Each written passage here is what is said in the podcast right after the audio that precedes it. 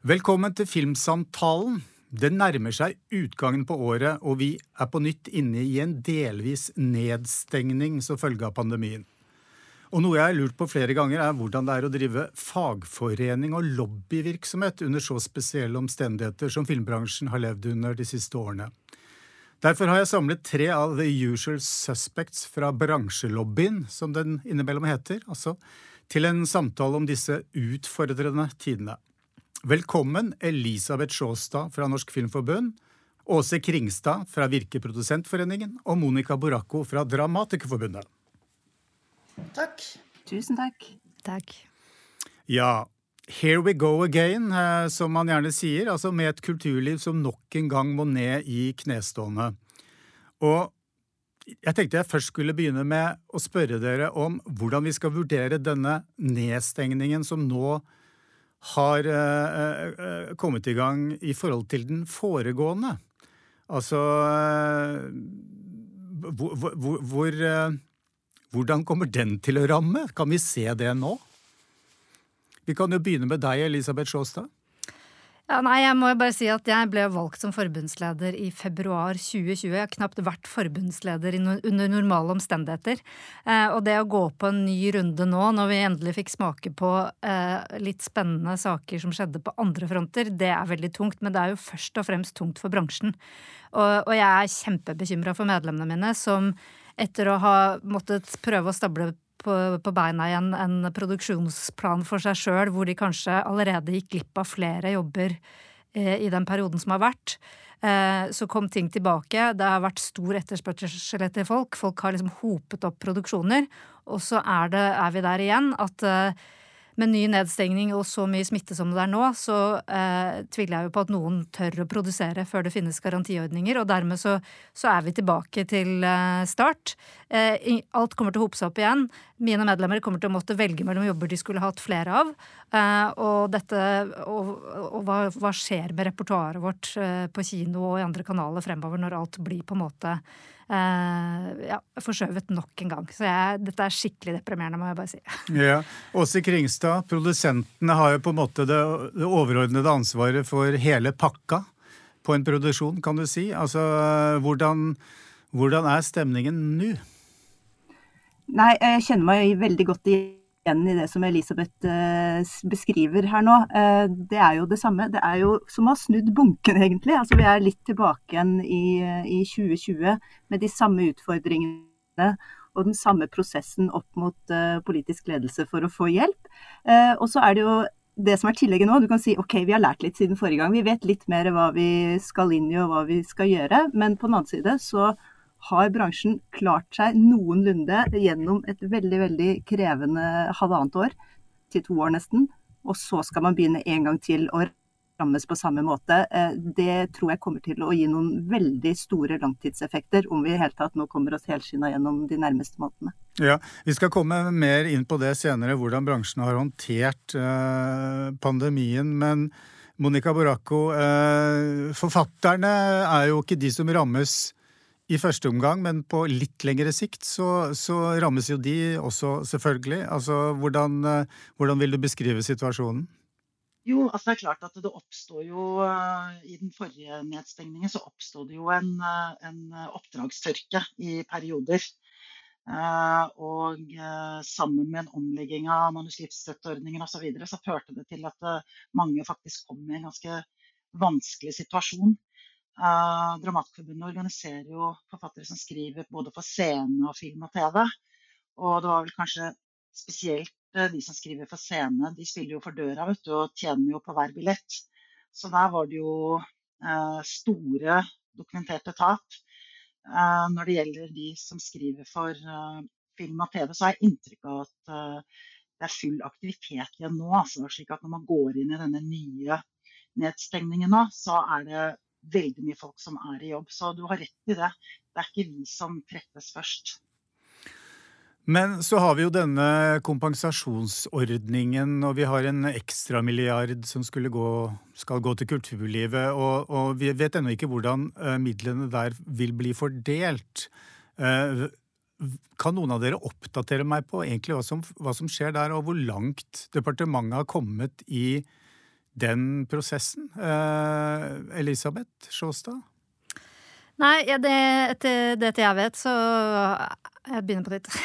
Mm. Jeg har ikke noe ny informasjon om hvordan det skal fordeles. Jeg vet ikke om du sitter på mer oppdatert informasjon enn meg også, men, men det er klart at det som er frustrerende akkurat nå, er jo at man stenger ned først, og så skal man liksom tenke på hvilke tiltak som kommer for å, eh, for å, redde økonomien. Jeg skulle ønske at man etter så lang tid med pandemi nå klarte å iverksette beredskapsplaner og komme med ting samtidig, så det ikke oppstår et vakuum mellom at man faktisk stenger ned og at man vet hva som skjer. Eh, og det har jo fått noen konsekvenser for noen filmer nå, helt konkret i denne mellomfasen. Så, så eh, ja, vi venter i spenning, etter mitt syn. Fordi Altså usikkerhet, jo lenger usikkerheten får råde, jo, jo, jo, altså det får også økonomiske konsekvenser, ikke sant, også? Altså for, eh, for konkrete produksjoner. Det stemmer. Eh, og jeg kan jo supplere litt det Elisabeth sa også. Eh, hvor langt har vi kommet i det vi vet? Altså det skal jo komme en stimuleringsordning, men der har det fått en litt underlig effekt at den ikke skal gjelde fra da den forrige slutta å gjelde selv om markedet allerede hadde begynt å vise svikt i løpet av november. Og her tenker jeg også at det, vi må påpeke at regjeringen med sine signaler om eh, smittevern og kommunale og regionale tiltak var jo med på å skape en eh, reaksjon blant publikum, vanlige folk der ute, om hva de oppsøker av kulturtilbud og kino osv. Eh, men det var ikke en myndighetspålagt nasjonal restriksjon. Og Derfor så sier de at den ordningen bare skal gjelde fra 8.12. Og da blir det sånn som Elisabeth sa, det er noen som faller mellom stolene. Og så er det jo dette problemet med hva skjer med ordningene framover. For én ting er det som er laget og er ute i markedet nå. Og så er det jo det som er under produksjon, eller det som skal i gang med produksjon. Eh, og der må vi få på plass en garantiordning. Det ligger nå eh, bevilga 300 millioner, så vi, i eh, en pott som skal gå til det eksisterende virkemiddelapparatet. Men der vet vi fortsatt ikke hvordan dette skal innrettes. Vi har vært tydelige på det overfor departementet. Filminstituttet har vært tydelig på det overfor departementet. Nå sitter vi bare egentlig og venter og, og sitrer etter å få beskjed, for dette her er det helt avgjørende at veldig, veldig mange nå får uh, signaler om hvordan det skal innrettes. Monica, altså man, man, etterspør alltid selvfølgelig kraftfulle tiltak. Eh, hva, hva savner du nå?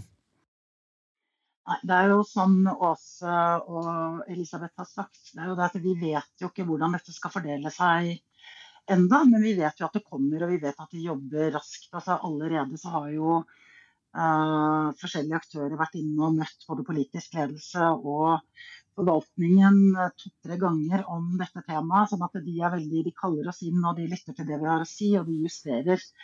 Sånn at, men det er klart, En veldig viktig ting da, er at man sørger for at det er Eh, også eh, kraftfulle og treffsikre ordninger som går direkte på, på kunstnerne. Eh, sånn at man er sikre på at det kommer helt frem til f.eks. de skrivende. Sånn at når man snakker om midler til utvikling f.eks. gjennom NFI, som ble gjort sist, så er det viktig at man også passer på at det går ekstramidler direkte til regissører og forfattere Eh, og ikke bare til selskaper. Det, det, tenker jeg vi må passe på denne gangen. Det har vi lært fra forrige gang. Mm. Uh, og ellers så må det komme kompensasjonsordninger som treffer direkte på kunstnerne. Og det tok et år før det kom sist. Uh, nesten et fullt år, faktisk. Uh, før det kom, og da kom det til komponister og til forfatterne. Så, men det, det, nå, det, har også departementet. altså Det skal de virkelig ha. For at, nå har de, de har lært fra sist. Og jeg opplever at det de gjør nå, det er at de justerer det som ikke fungerte, før de nå sender det ut. Så jeg, eh, jeg er ikke av de som står og roper om at ting går for sakte, egentlig. For jeg vet at her går det faktisk innmari fort. Og det kommer hvert øyeblikk. Det høres Vi får håpe du har rett i det. Eh, jeg lurte litt på om vi skulle hvis vi ser tilbake på pandemien, altså, eller de foregående nedstengningene, eh, og, og eh, ser litt på hvordan mange frilansere da havnet mellom flere stoler eh, i perioder, og det er kanskje noen av disse tingene man nå ønsker å unngå, ikke sant. Men eh, det jeg lurer litt på, er når norske offentligheten på en måte til de grader har bitt seg merke i hvordan kulturlivet har på en måte havnet i annen rekke, hvordan, hvor utsatt kulturlivet er, så, så kan man jo lure litt på hva slags langsiktige konsekvenser det får for f.eks.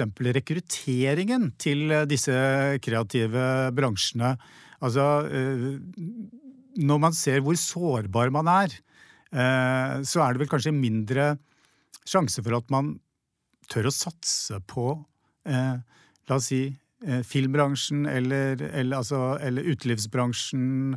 Altså en del sånne kreative yrker. Altså, er, du, er du bekymret for det, Elisabeth Sjåstad?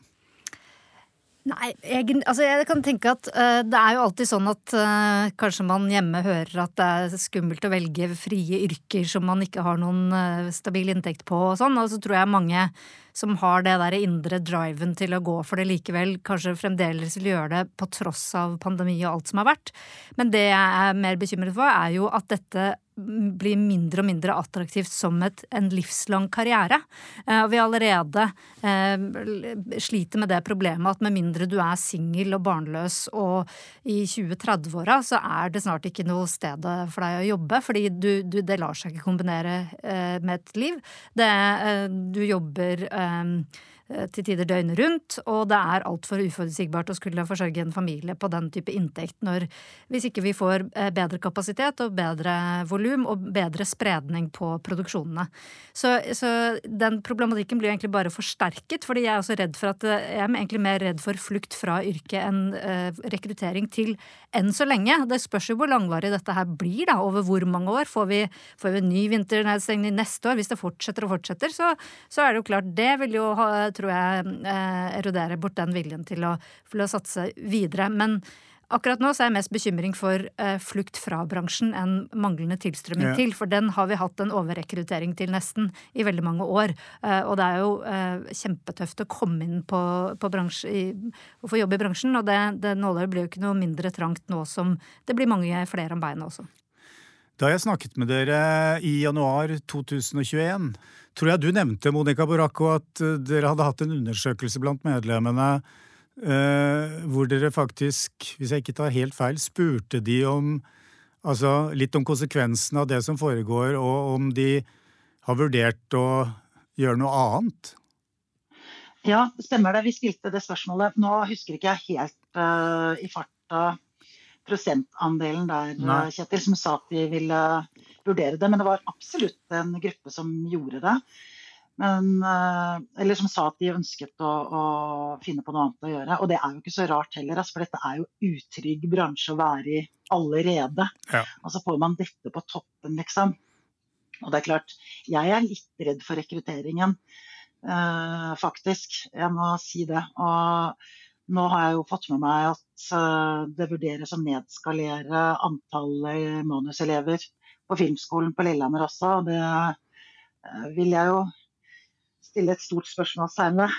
Eh, jeg tenker at vi heller trenger flere eh, gode utdanninger for manusforfattere. For det, ja, jeg er redd for, redd for både rekruttering og frafall, jeg, faktisk. Mm. Ja, Åse, hvordan, hvordan, er det i produsentstanden? Altså, det er også en utsatt gruppe med mye økonomisk ansvar? Det er det. Altså, vi har jo ikke sett noe eh, konkurser eller nedleggelser ennå som følge av pandemien. Eh, men selvfølgelig så er jo dette med rekruttering til bransjen noe som også opptar oss og produsentene mye. Eh, og her tenker jeg at vi som bransje i fellesskap også kan gjøre mye. Altså dette her bør jo også i det videre være en attraktiv bransje å gå inn i, men det vil jo være nødvendig at det da er nok finansiering tilgjengelig. Da. Sånn at vi kan øke volumet, og nettopp som Elisabeth var inne på, så at det skal være mulig å ha et uh, langt yrkesliv innenfor uh, denne bransjen. Da må det jo gå an å produsere mer enn det vi gjør i dag, og det, uh, det ønsker jo alle å få til. Mm.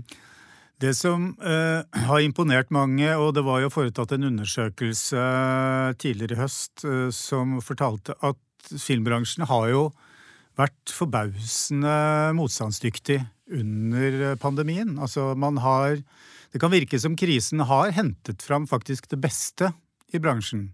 ved at man Altså, tidligere har man vært vant til å improvisere, snu på ting, snu seg raskt. Og det har jo kommet til sin rett under denne krisen. Altså hva, hva tenker dere om det, Elisabeth? Det, jeg må si vi var veldig klappa oss sjøl litt på skulderen. Vi var veldig flinke veldig tidlig med å få i gang en gruppe med kjempeflinke folk, fagfolk til å lage en smitteveileder. Så det gjorde at vi kom veldig raskt i gang med å kunne tilpasse produksjonene til smittevernreglene.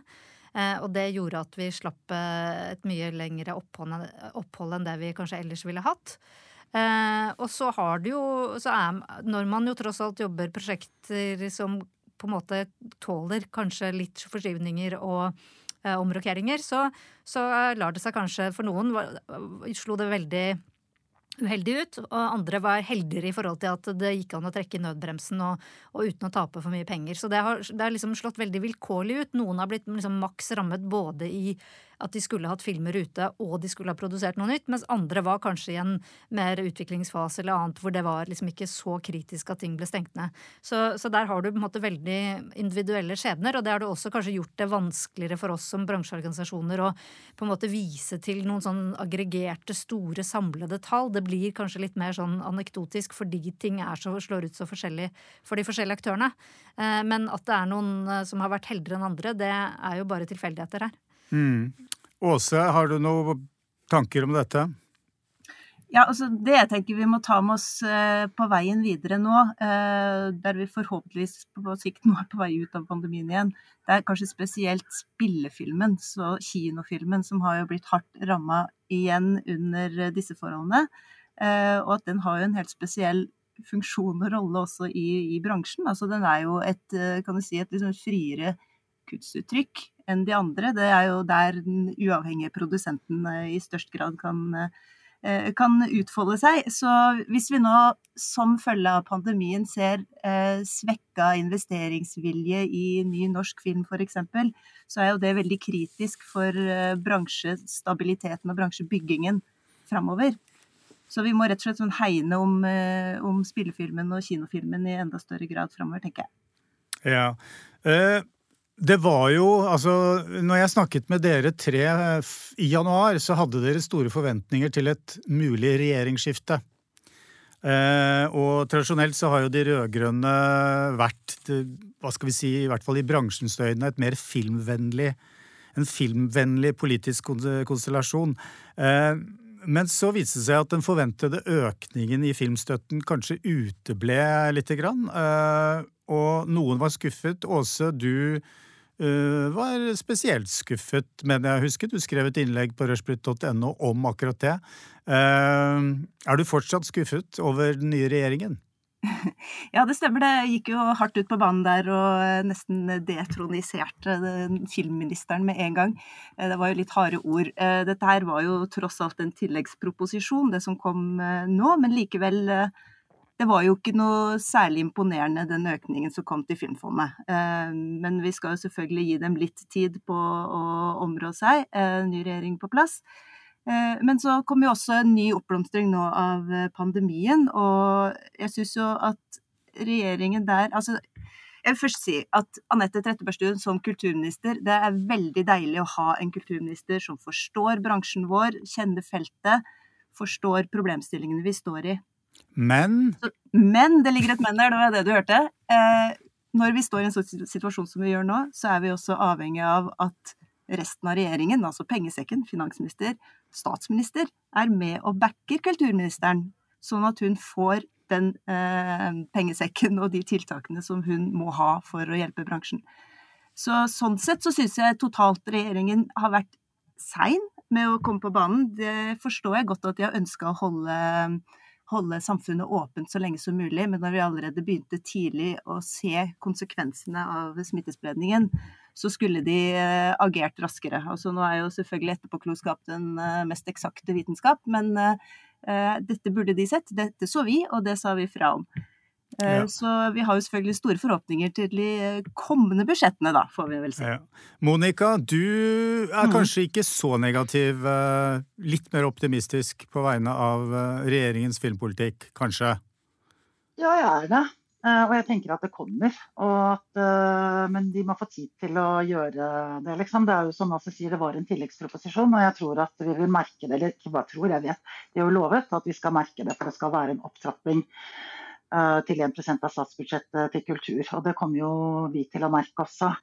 Og så tenker Jeg at, jeg vet ikke med dere andre, men jeg har i hvert fall lagt merke til at i alt av pressekonferanser og alt som har kommet fra både finansminister og statsminister og alle, så nevner de kultur når de snakker om uh, hvem som trenger hjelp. Og hvem som trenger et løft nå. ikke sant? Sånn at Jeg husker jo den forrige regjeringen, så var jo ikke kulturbransjen Vi ble ikke nevnt engang på disse koronapressekonferansene. Så sånn sett så har jeg jeg har liksom trua, da. Og så har vi fått en kulturminister som, som vi har fulgt i, i, mange år på Stortinget allerede som en kulturpolitiker som har satt seg veldig grundig inn i sakene. Så jeg opplever jo også når vi har hatt møter med henne altså Hun hadde sittet fem dager i stolen første gangen uh, jeg var der, i hvert fall, sammen med kunstnernettverket. sånn at uh, hun viser liksom veldig tydelig at hun vil ha en tett dialog. Og at hun skal være en lyttende minister som skal være til for oss, og ikke omvendt, hvis du skjønner. Ja. Og ja, optimist. Eh, fordelen med å sitte her i studio eh, for Elisabeth sin del, er at hun kan løfte pekefingeren og be om en replikk. Og det kan jo ikke dere andre som sitter på telefon. Men jeg skal likevel gi deg replikken. Du, du, du skal ha jo også noe på hjertet i, i forhold til eh, regjeringens politikk, Elisabeth. Ja, nei, altså det Sammenfallning av eh, litt gjenåpning og ny regjering og nytt storting var jo litt sånn optimistisk periode, følte jeg. Og jeg syns jo at det veldig tydelige signalet som kom i den tilleggsproppen fra regjeringen, var jo en satsing på kunstnerne. Eh, og det som jeg tenker er, som jeg blir mest utålmodig på nå, er jo i hvor stor grad denne nye nedstengningen og de nye tiltakene forsinker det som vi eh, trenger at kommer på skinner igjen av andre store eh, eh, tiltak for feltet vårt, som skulle ha vært i gang for lengst. Og der taper vi også penger og muligheter for å gi eh, bransjen vår bedre rammevilkår. Og da tenker jeg spesifikt på, eh, på kunstnermeldingen, som har vært forsinket kjempelenge, og som, eh, som de har tatt opp igjen fra skuffen. men Eh, og det andre er jo AMT-direktivet og medfinansiering. Og jo mer eh, Kulturdepartementet må jobbe med koronatiltak, jo, jo lenger det tar jo dette før det kommer på plass og kommer ut i, både på høring og til Stortinget. Så det er jeg bekymret for, den der framdriften på de andre områdene, som også tapper oss for penger og, og ressurser. Og det at alle har sett hvordan eh, hvordan kunstnerne har blitt, hatt så dårlige eh, eh, sosiale sikkerhetsnett under pandemien. Det får man jo ikke gjort noe med eh, før man får en kunstnermelding og får sosiale tiltak. Og da blir man jo eh, i en sånn tidsloop hvor alt handler om året 2019, som er det siste ordinære året som alle kan, må vise tilbake til for å si hva de tjente og skal ha kompensert. Og det begynner å bli ganske lenge siden. Ja, og så har vi jo eh, det fremste virkemiddelapparatet som eh, departementet har på filmfeltet, det er jo Norsk Filminstitutt, som har vært gjennom en, en, en årelang omorganiseringsprosess som har vært tappende for krefter og, og, og, eh, og ressurser. Og, de er jo på en måte på vei ut av den omorganiseringen nå. Og det har jo også med dem har det jo fulgt Altså, det er også masse fagfolk som har forsvunnet ut. Eh, dyktige folk som er, eh, Noen av de har jo ikke vært helt fornøyd med hvordan prosessen foregår internt i NFI. Men, men uansett, altså Monica var inne på det eh, med en Hun ut, ga uttrykk for frykt for hva som skjer med manusordningen, eh, blant annet. Eh, hva, hva, tenker dere om hva som skjer i NFI?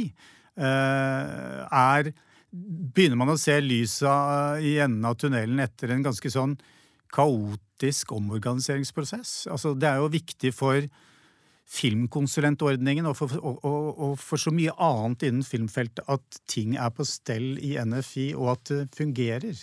Eh, Åse? Ja, Altså, nå, nå, er jeg i fare for å bli den som alltid sier de negative tingene i dette møtet her, holdt jeg på å si. Eh, nei, vi har jo vært bekymra for det vi har sett eh, i NFI med at eh, viktig fagkompetanse har forlatt organisasjonen nå i ganske høy takt eh, over en kort periode.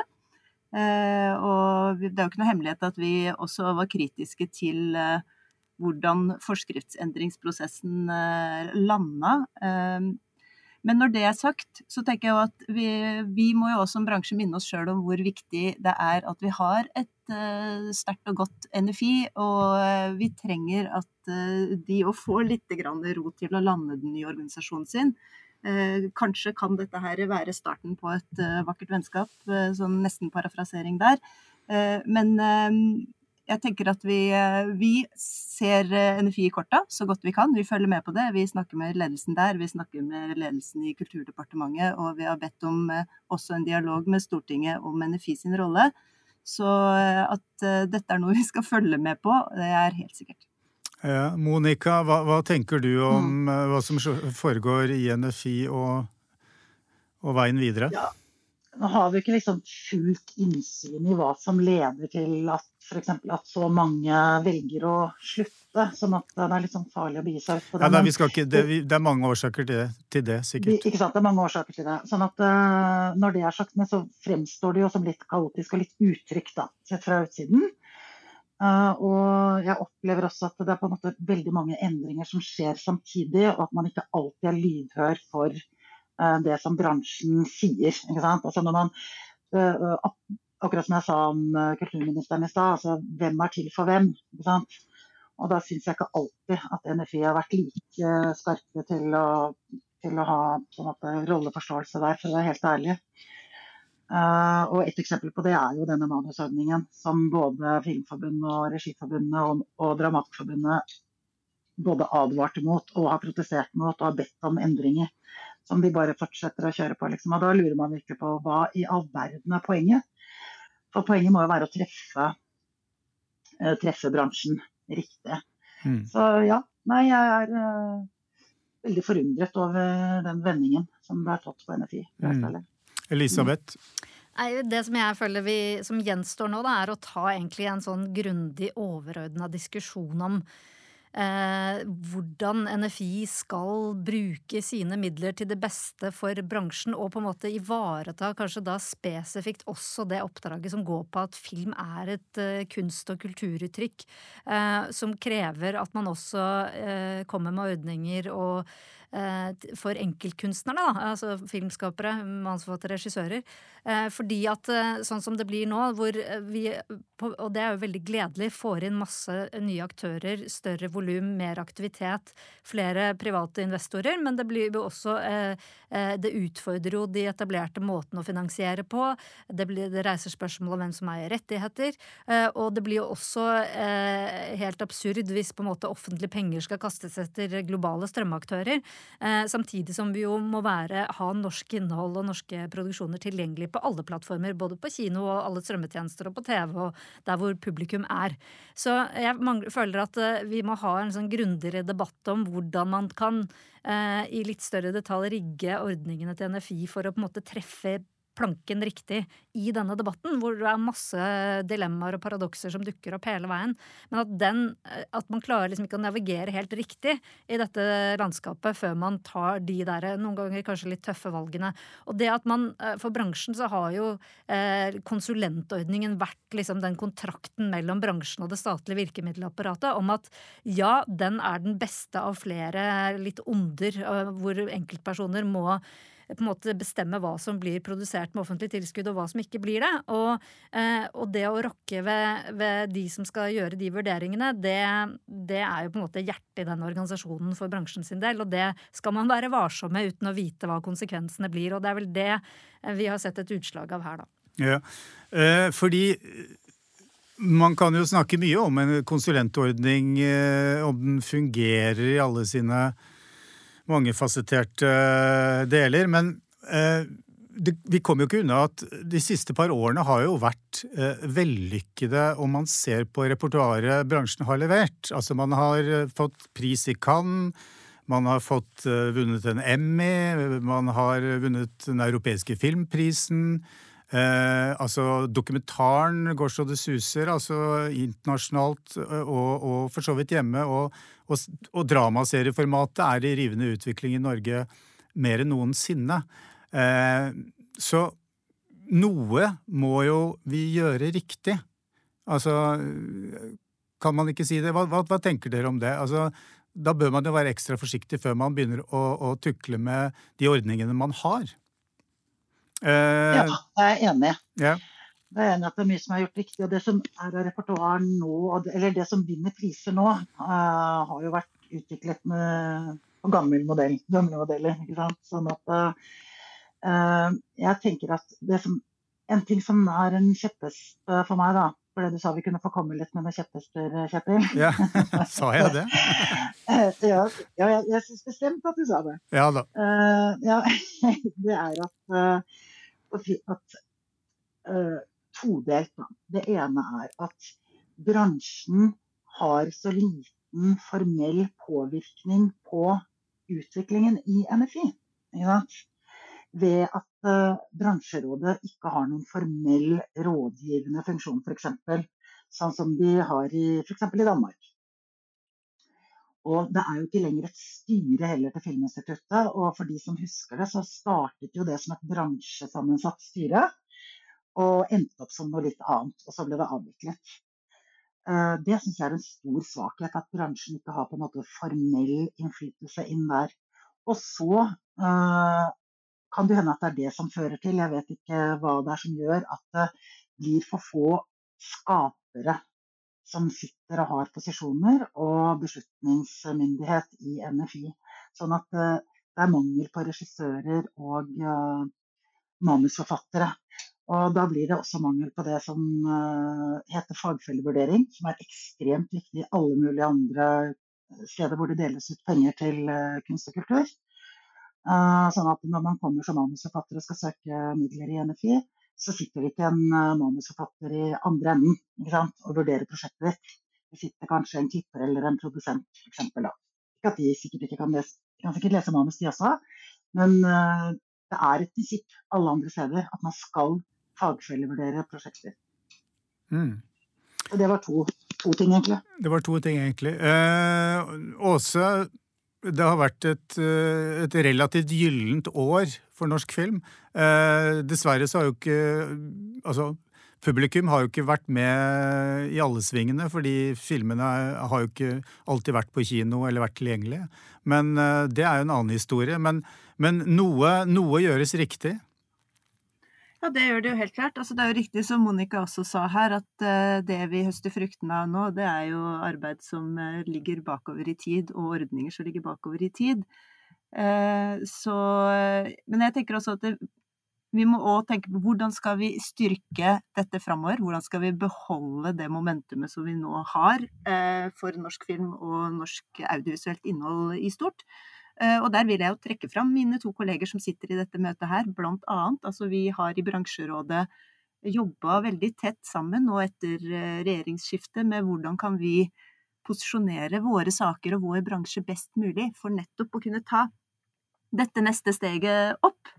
Eh, og der er det jo noen forutsetninger som må løses for at vi skal fortsette å holde den takten vi har. Altså blant annet så må det jo komme mer midler til Filmfondet, som vi har vært inne på i budsjettsammenheng her. Eh, vi må ha på plass en medfinansieringsordning over AMT-direktivet, som Elisabeth eh, har nevnt tidligere. Altså få med de nye markedsaktørene, strømaktørene, til å forpliktes til å finansiere nytt norsk innhold. Og da mener vi ikke bare at de skal kjøpe og eie det, men at de skal eh, bidra til innhold der rettighetene vil ligge igjen på norske hender, altså hos de uavhengige produsentene. Eh, og vi eh, ønsker oss en eh, insentivordning som skal regelstyres og dermed skilles fra Filmfondet på en annen måte enn den gjør på budsjettet i dag. Vi ønsker oss en regional strategi, en bedre satsing der. Og også selvfølgelig da en bedre kinostrategi. Og at dette her som en totalitet vil være med på å styrke finansieringen til bransjen eh, gjøre at vi kan både levere et volum og ikke minst en kvalitet som er på linje med det vi nå har sett av det beste av det beste, og at vi får enda mer av det. Kanskje kommer vi i 2022 til å få en eh, Oscar-nominasjon, kanskje til og med en Oscar.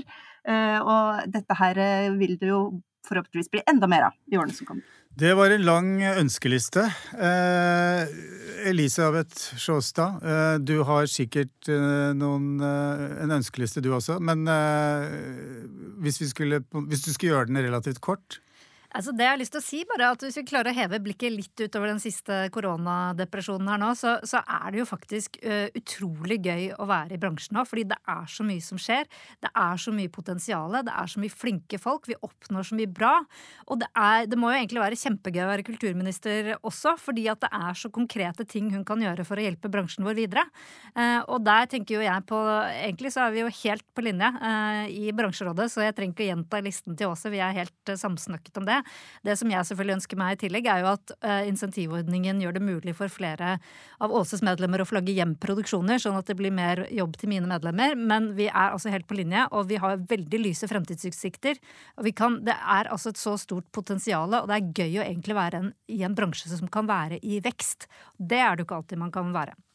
Og dermed senker julefreden seg over bransjen eh, med disse ordene. Eh, jeg tror vi, vi, på en måte avslutter der, og eh, hjertelig takk for at dere ble med. Elisabeth Sjåstad, Monica Baracco og Åse Kringstad. Jeg ønsker dere en eh, velsignet jul videre. God jul! Takk, takk, takk. Kjetil.